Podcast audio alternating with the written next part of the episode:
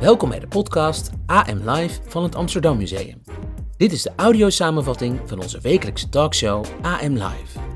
De presentatie is in handen van Jurgen John en mijzelf, Maurice Seleki.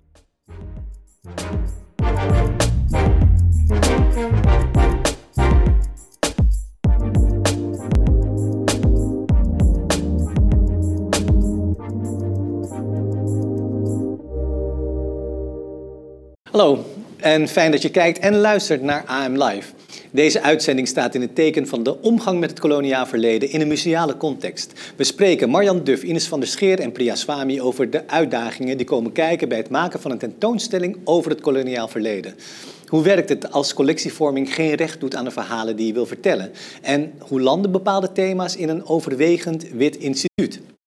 En in een reportage vertelt curator Tom van der Molen ons iets over de veranderingen in de vaste opstelling van het Amsterdam Museum. Die is aan een update toe. Hoe en waarom, dat legt Tom ons uit. In een tweede panelgesprek spreken we over de impact van koloniale denkbeelden aan het eind van de 19e eeuw en de rol die de wereldtentoonstelling daarin speelde. Dat doen we met onderzoekers Damiet Sneewijs en Maria Ree Lamslag. De uitzending wordt afgesloten met een performance van schrijver, performer en boekenweekdichter Bab Schons. Welke uitdagingen komen er kijken bij het maken van een tentoonstelling over het koloniaal verleden? Welke verhalen vertel je, naar wie luister je en welke objecten laat je zien? En wie betrek je bij de ontwikkeling van zo'n tentoonstelling? Bij ons aan tafel, directeur van OSCAM, Marjan Duff. Welkom, fijn dat je er bent. En ook conservator bij het Tropenmuseum, Priya Swami.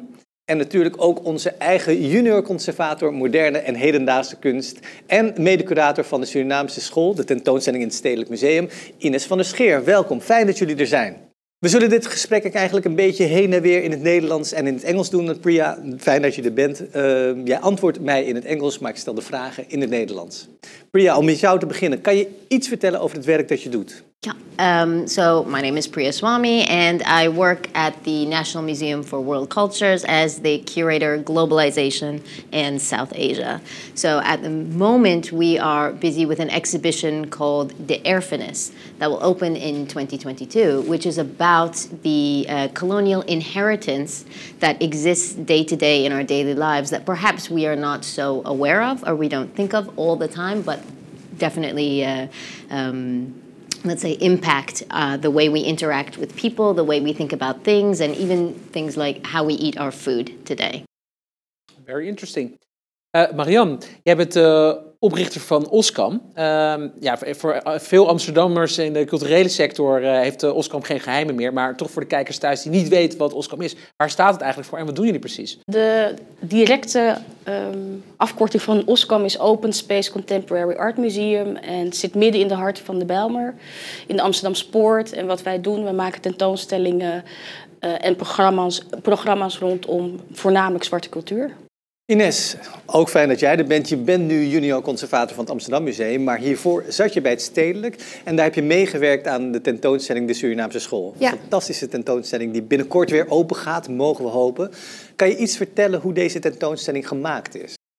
Tentoonstelling is een heel lang traject geweest. Het begon eigenlijk als um, plan voor een tentoonstelling over Nola Hatterman. Zij zit nu ook in de tentoonstelling, maar niet als de kunstenares van Suriname.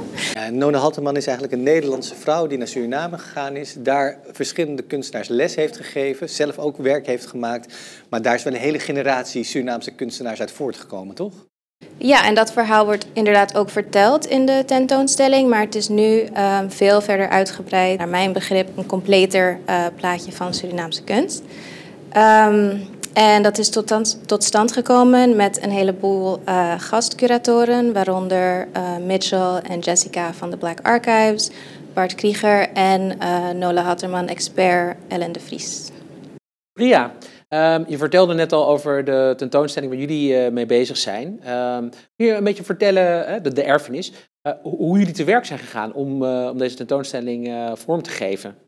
So I think you know it's a very uh, broad topic when you say we're gonna we're gonna tackle colonial inheritances and how you need to do it. I think is actually start from a very humble sort of place where you start to think of what are the stories we can actually tell and what are the stories that our objects really speak to. So it really began with getting, let's say, to know our collection in different ways and understand it. And that required a lot of cooperation across our institutions. And it's also about bringing in different kinds of, well, let's say, expertise from different sorts of communities, of artists, of activists, of um, community oprichters, to get a sense of what erfenis could mean to a broader public.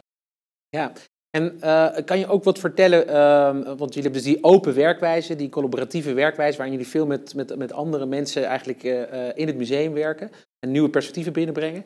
Maar ik kan me voorstellen dat je ook wel wat uitdagingen tegenkomt terwijl je in dat proces zit. Kun je daar iets over vertellen?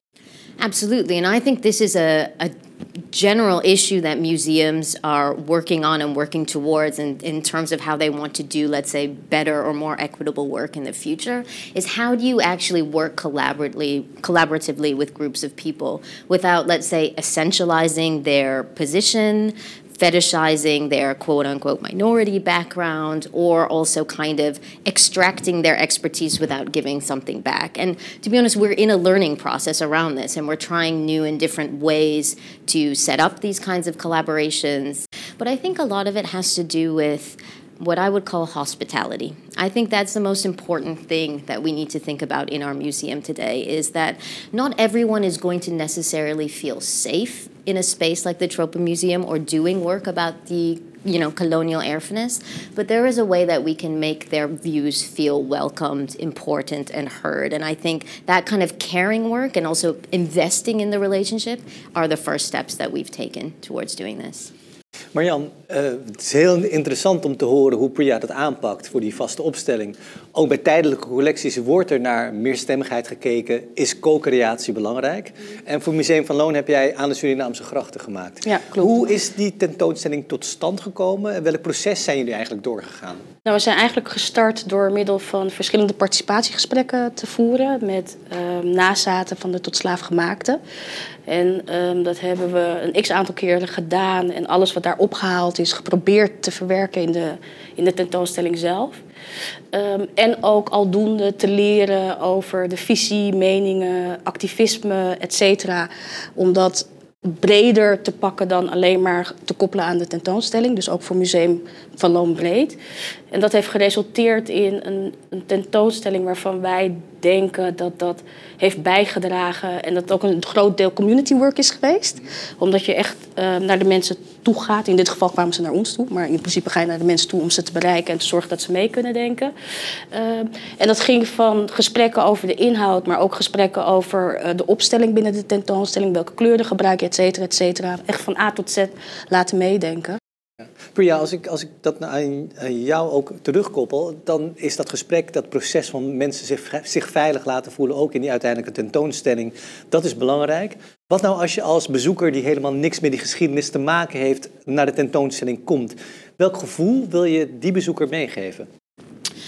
I think more than trying to predict the feeling or, or create a feeling is it's to be able to to create moments of reflection in the exhibition. Also for people who like you say might not have any sort of prior knowledge or haven't thought about these kinds of issues before to have places where they feel let's say safe and open to sort of think through the material in such a way. So it's not so much about bombarding people with a lot of historical events or giving them these these huge sort of concepts to digest, but allowing them to take an individual journey through the story and to be able to be questioned and pushed in a positive way that will let them perhaps open up the way that they've thought about certain things in the past. So I really do think it's more about the reflection rather than creating a certain kind of feeling because I just honestly think you can't predict how someone's going to feel when they come into um, into an exhibition 100%. Mag ik daar nog iets over zeggen? Want ik denk dat het ook belangrijk is om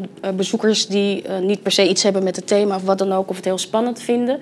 Ik denk dat je het ook intern moet bespreken. Dus wat we ook hebben gedaan is zoveel mogelijk met de museumhosts die op de dagen van de tentoonstellingen werken, om echt goede gesprekken met hun te voeren.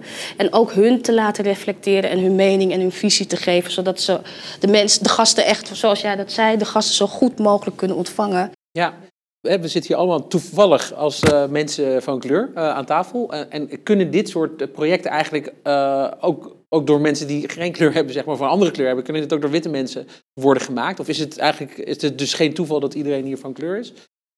Marianne, ik denk, denk vooral samen. Ja, ik bedoel, uiteindelijk probeer je in een tentoonstellingsteam verschillende disciplines te combineren, ook verschillende meningen. Want dan kan je het verhaal ook veel sterker maken.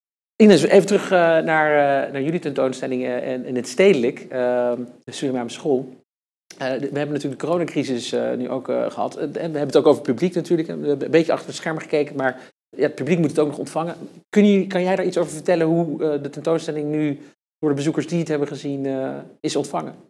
Ik denk heel positief. Wat ik mooi vind aan deze tentoonstelling is dat um, het ook voor uh, mensen die, voor wie dit niet allemaal nieuw is, is gemaakt. Um, ik vind het natuurlijk ook belangrijk dat mensen uh, die niks met het onderwerp hebben, dat zij ook toegang hebben tot, uh, tot deze kunst. Maar wat ik mooi vind aan de tentoonstelling is dat je niet, het is geen introductie tot Suriname. Um, dus niet alles hoeft te worden uitgelegd.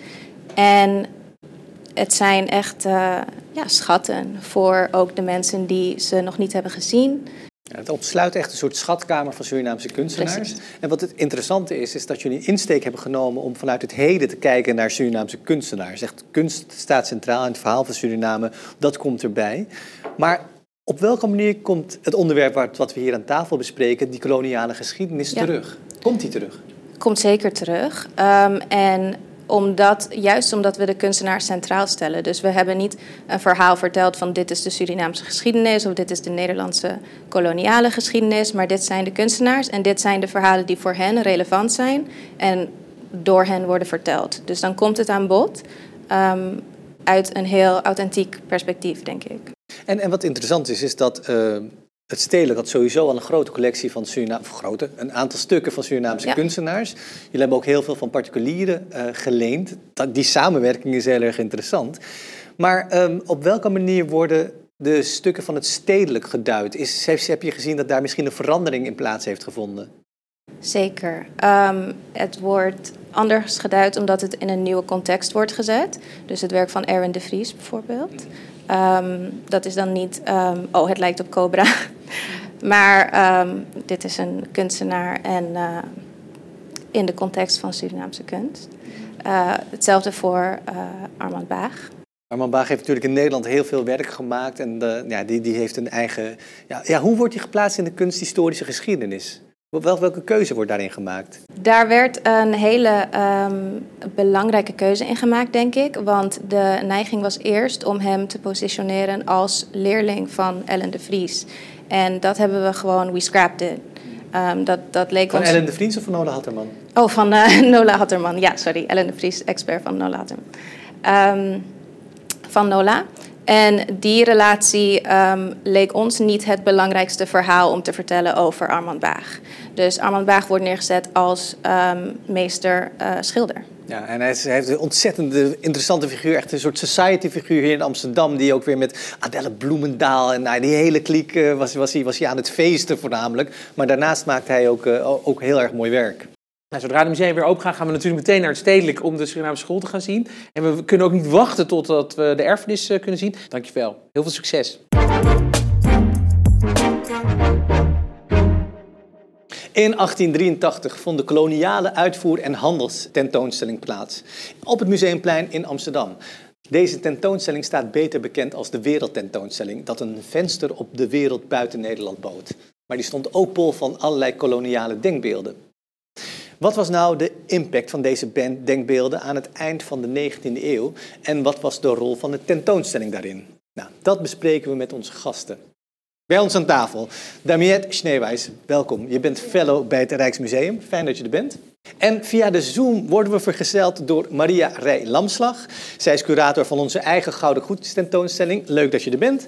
En uh, zij wordt vergezeld door Marieke Bloembergen, senior onderzoeker bij het Koninklijk Instituut voor Taal, Land en Volkenkunde in Leiden.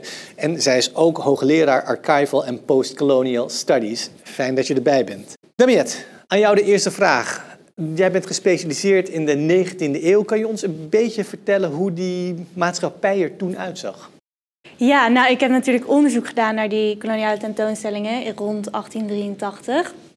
En de maatschappij destijds is natuurlijk, je hebt nog steeds, kolonialisme maakt eigenlijk nog steeds een heel groot deel uit van het Nederland, van het Nederlandse Rijk. Mm. Slavernij was wel afgeschaft? Slavernij is inmiddels afgeschaft, ja. Dus je zit eigenlijk post-abolitionisme, maar nog steeds heeft Nederland een groot koloniaal rijk. Dus Nederlands-Indië. Welke, welke, landen hebben we het dan over? Welke gebieden? Uh, we hebben het over Nederlands-Indië. We hebben het ook nog steeds over de Cariben. Dat zijn denk ik de twee voornaamste gebieden waar we het over hebben. En die ook echt terugkomen op de tentoonstelling uh, waar we het vandaag over Nee, bij de Cariben hoort ook Suriname. Ja, daar reken ik Suriname altijd in mee. Ja. En wat was de tijdgeest? Was, was Nederland nog steeds de, de, de, het land dat beschaving kwam brengen wereldwijd? Ja, ik denk dat je daar een shift in ziet. Dus zeker is het natuurlijk inmiddels een shift, juist omdat je na die slavernijperiode ziet. Dus er moet een ander verhaal verteld worden. En dat wordt op die tentoonstelling natuurlijk ook heel erg gedaan. Je gaat eigenlijk aan de ene kant van een idee over de kolonie als een soort primitief en inferieure gebied naar een gebied dat ook reflecteert op Nederland. Dus een bepaalde kunstnijverheid heeft, een bepaalde cultuur heeft. En daarin zie je hele grote verschillen tussen hoe de Cariben en hoe Nederlands-Indië gezien worden. Ja, ik uh, ga even over naar uh, onze dames uh, op, op links. Ehm, Maria, jij bent een van de curatoren van de Gouden Koets tentoonstelling in het Amsterdam Museum. straks 17 juni natuurlijk te zien hier in het museum. Um, jij focust je onder andere ook op de relatie tussen eh, Indië en de Gouden Koets. Uh, en uh, daar is een hele bijzondere band tussen, dat, tussen Indië en de Gouden Koets. Kun je vertellen waarom?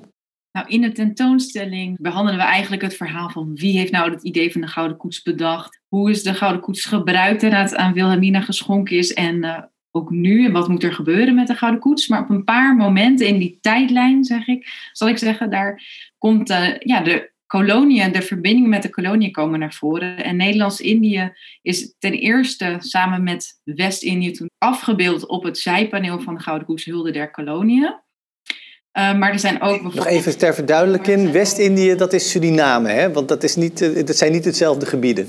Nee, dat uh, is een soort van, ja, de koloniale naam inderdaad. En uh, als je kijkt van hoe het op de koets is geduid door de tekenaar, die noemde het West-Indië en Oost-Indië.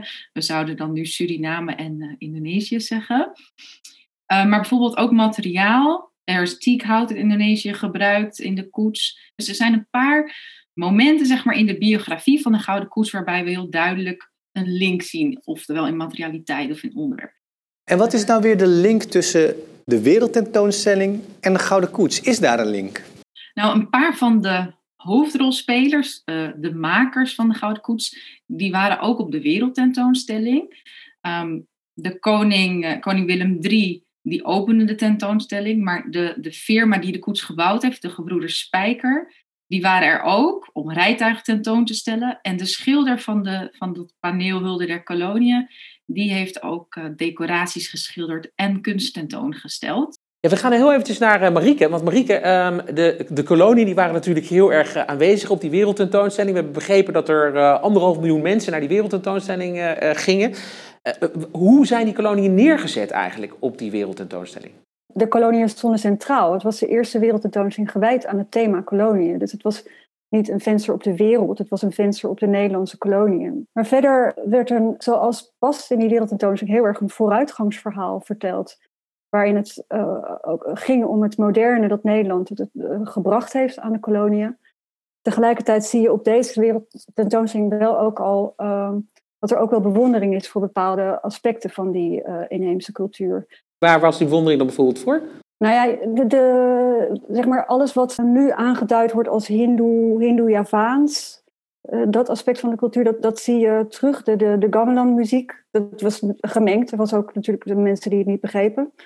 Ehm, maar ook is er een tijdschrift, het bouwkundig tijdschrift van Nederlandse architecten en kunstenaars, heeft een heel issue gewijd aan de techniek van de huizen van de, het dorp dat ook getoond werd op de, op de wereldtentoonstelling.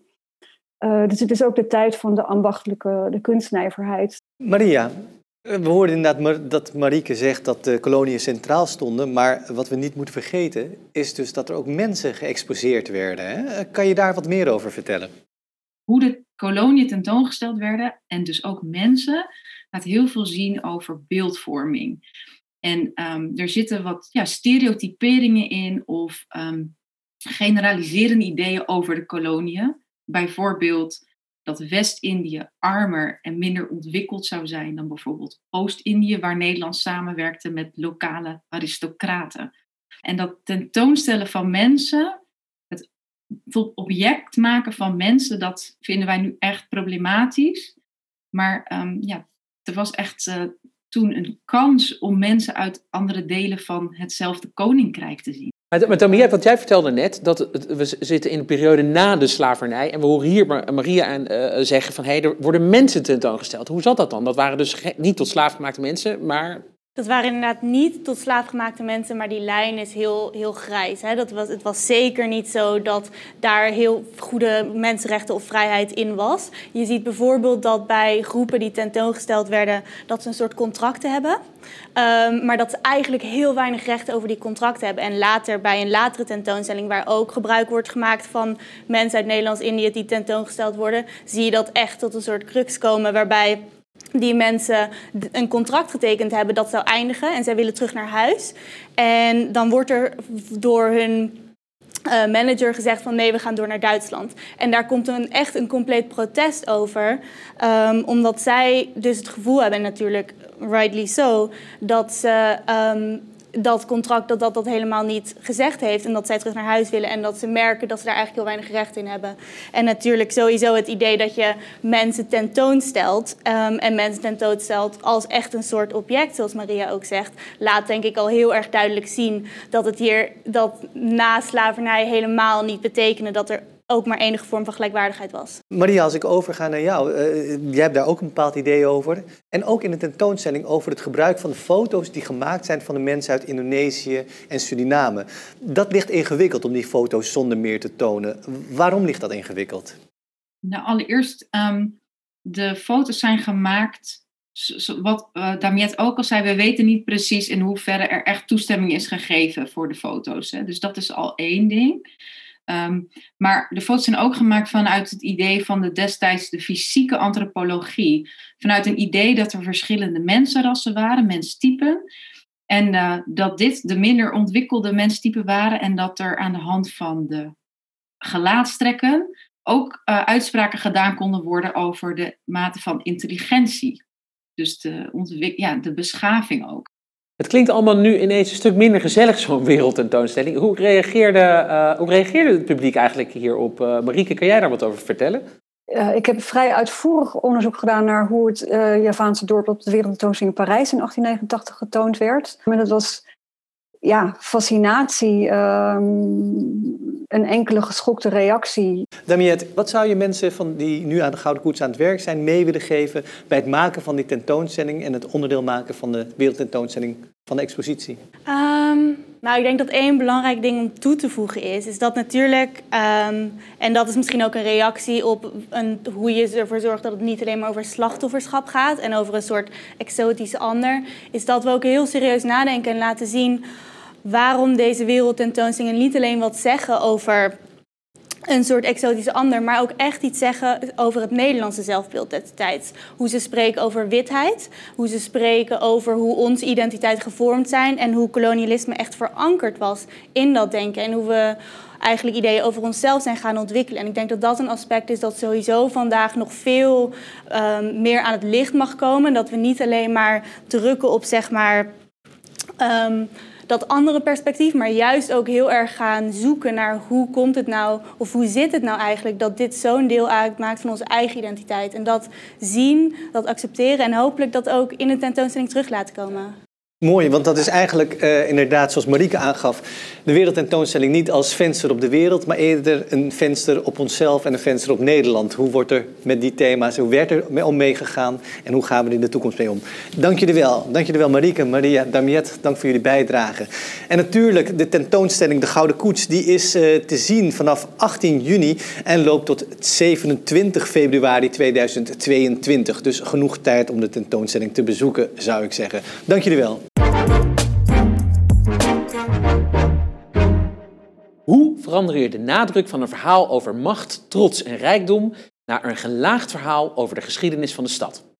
Conservator Tom van der Molen neemt ons mee in de tentoonstelling Amsterdam DNA en bezoekt de zaal die aandacht besteedt aan het koloniale verleden van de stad. We staan aan het begin van uh, de tentoonstelling Wereldstad. Ik wilde hier toch graag even staan, omdat het hier gaat over de relatie uh, tussen Amsterdam en de rest van de wereld. En dan gaat het natuurlijk ook over de koloniale wereld. Uh, naast mij zie je een schilderij dat een plantage in Suriname voorstelt. En een schilderij wat een werf bij Batavia, Jakarta, voorstelt, het eiland Onrust. Kolonialisme is te zien, want er is te zien wat er was. De gebouwen en plantages en, en schepen. Maar eigenlijk zie je helemaal niks over, over de ellende die dat koloniale systeem uh, met zich meebracht. Op beide schilderijen, bijvoorbeeld moeten 200 slaafgemaakt rondgelopen hebben. En je ziet eigenlijk alleen één jongetje naast de Europese meneer staan uh, die een parasol boven zijn hoofd houdt.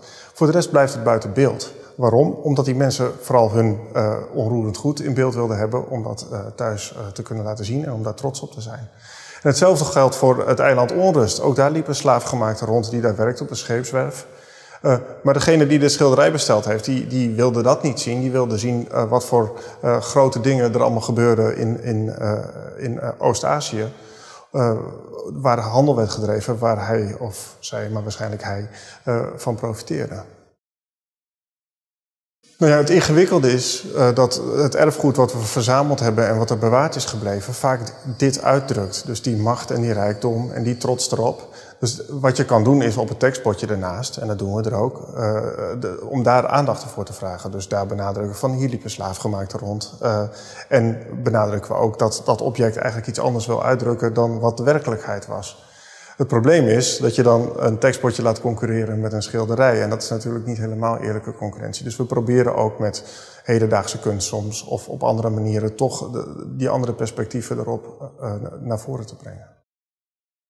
Dit gaat over de 17e eeuw en ook hier zie je uh, dat het eigenlijk heel erg gaat over de macht en de rijkdom en uh, hoe groot Amsterdam wel niet was in die tijd. Achter mij zie je een rode wand die context geeft en die versterkt dat beeld eigenlijk. Dat gaan we veranderen, want daar willen we eigenlijk wat tegenwicht gaan bieden aan dat, dat verhaal van macht en rijkdom. Dus uh, we gaan een verhaal vertellen over een VOC-schip. Wie zat er allemaal op? Uh, maar we gaan ook een verhaal vertellen over de inpoldering van de Belmer. Hoe het in bezit nemen van land gepaard ging. Want bijna al die mannen die daar een rol bij speelden... waren ook aandeelhouders of bewindhebbers bij de VOC of VIC. Dus die dingen die hebben met elkaar te maken. En dat willen we hier heel graag gaan laten zien. We hebben uh, anderhalf jaar geleden hebben we besloten om de term Gouden Eeuw niet meer te gebruiken voor de 17e eeuw. Dat heeft er ook mee te maken. Wij willen uh, even los van die trots en van, uh, van die macht en die rijkdom... willen we zorgen dat we ook andere perspectieven over die tijd kunnen vertellen. Omdat we denken dat het een uh, beter beeld geeft van wat die tijd nou eigenlijk was. Het wordt een vergelijkbare rode wand, maar dan met hele andere informatie. Uh, en uh, er zal iets meer tekst te zien zijn, want we moeten wat meer uitleggen. Dus we kunnen het niet alleen maar met icoontjes doen. Uh, maar we willen het relateren aan dingen die hier daadwerkelijk te zien zijn. Dus je gaat uh, mannen en vrouwen die je hier ziet hangen in deze zaal, ga je terug zien komen. En dan gaan we wat over ze vertellen wat ze zelf niet vertellen op hun schilderijen. Want daar gaat het vaak over dat ze trots zijn op een familie of het feit dat ze regentes zijn van een weeshuis. Dus uh, de komende weken gaan we dat veranderen.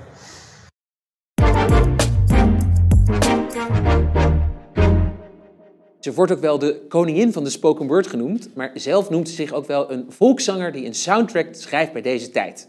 Ze schreef dit jaar het Boekenweekgedicht, is een gevierd dichter en schrijver, performer en ook de drijvende kracht achter tal van spoken word initiatieven. We zijn ongelooflijk blij dat ze er is. Bab Schons, welkom. Dankjewel, wat een mooie introductie.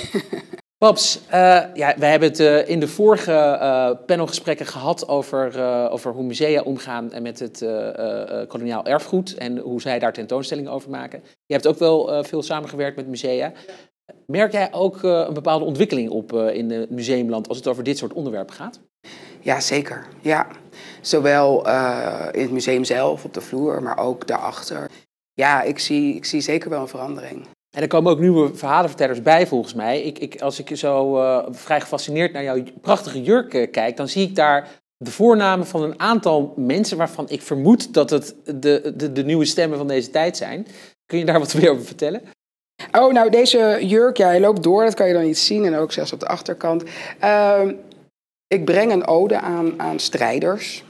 Uh, en ja, dit zijn eigenlijk allemaal mensen die op hun eigen manier bezig zijn om uh, deze maatschappij uh, leuker, mooier, rijker, inclusiever te maken. En daar soms gewoon heel erg veel voor moeten doen. Dus dat is eigenlijk, het is een beetje mijn, mijn revolutiejurk.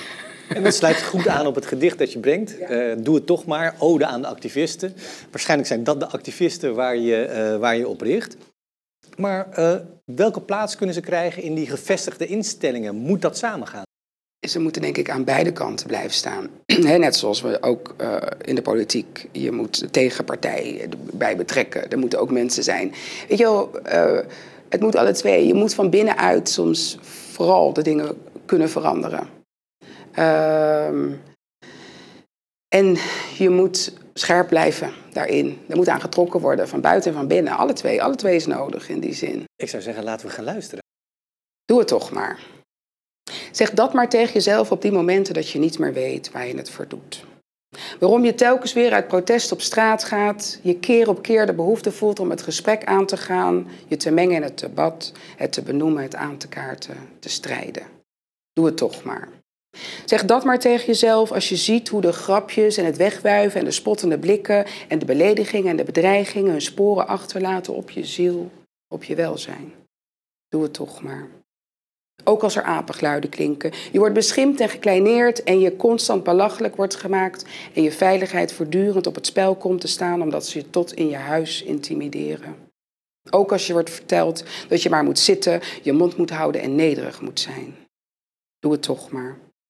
Ook al is de verleiding soms groot om je maar stil te houden, om je maar te schikken, omdat je weet dat nooit iedereen hetzelfde recht zal hebben om comfortabel in het eigen lichaam, in het eigen huis of in het land te mogen zijn. En wat is het dan in hemelsnaam waard?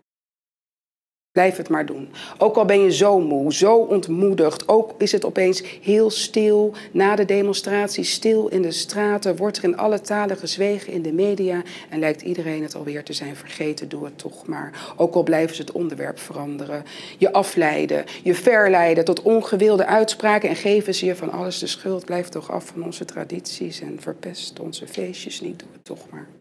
Doe het toch. Maar ook al drukken moeders je op het hart om toch vooral geen aanleiding te geven. Zeggen vaders dat je maar twee keer zo hard je best moet doen. En zeggen vrienden, laat nou maar. Om te voorkomen dat het misschien wel ongemakkelijk wordt. Omdat anderen misschien wel beledigd raken. Het pijnlijk vinden dat jij je zo nodig moet roeren. Doe het toch maar. Ook als ze zeggen dat het hier niet Amerika is. Dat het hier niet zo erg is dat je anders maar moet oproepelen naar een eigen land. Doe het maar. Ook op die momenten dat je denkt dat niemand je ziet, blijf het doen, roer je, kom maar opdagen, maak een vuist, laat je horen, vertel ze, vertel de verhalen, want iemand, iemand gaat luisteren, iemand zal je begrijpen. Doe het toch maar, blijf herhalen wat je gisteren al zei, ook al moet je nog honderd keer de straat op. Microfoons pakken, aanschuiven aan tafel, steeds maar weer opnieuw beginnen, blijven uitleggen wat zo helder lijkt. Doe het toch maar, doe het toch maar, want je weet ook dat er anders nooit iets zal veranderen. En dat dit de enige manier is om op een dag wakker te worden en te ontdekken dat de wereld beter past om jouw lichaam.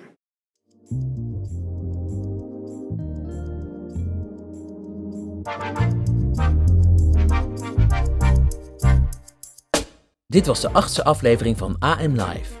Wil je de hele uitzending terugkijken? Dan kan dat op onze website www.amsterdammuseum.nl.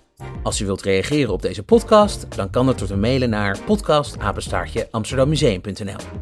En we vinden het heel leuk als je een review kunt achterlaten op iTunes. Dank aan alle gasten en aan u voor het luisteren. Tot de volgende keer.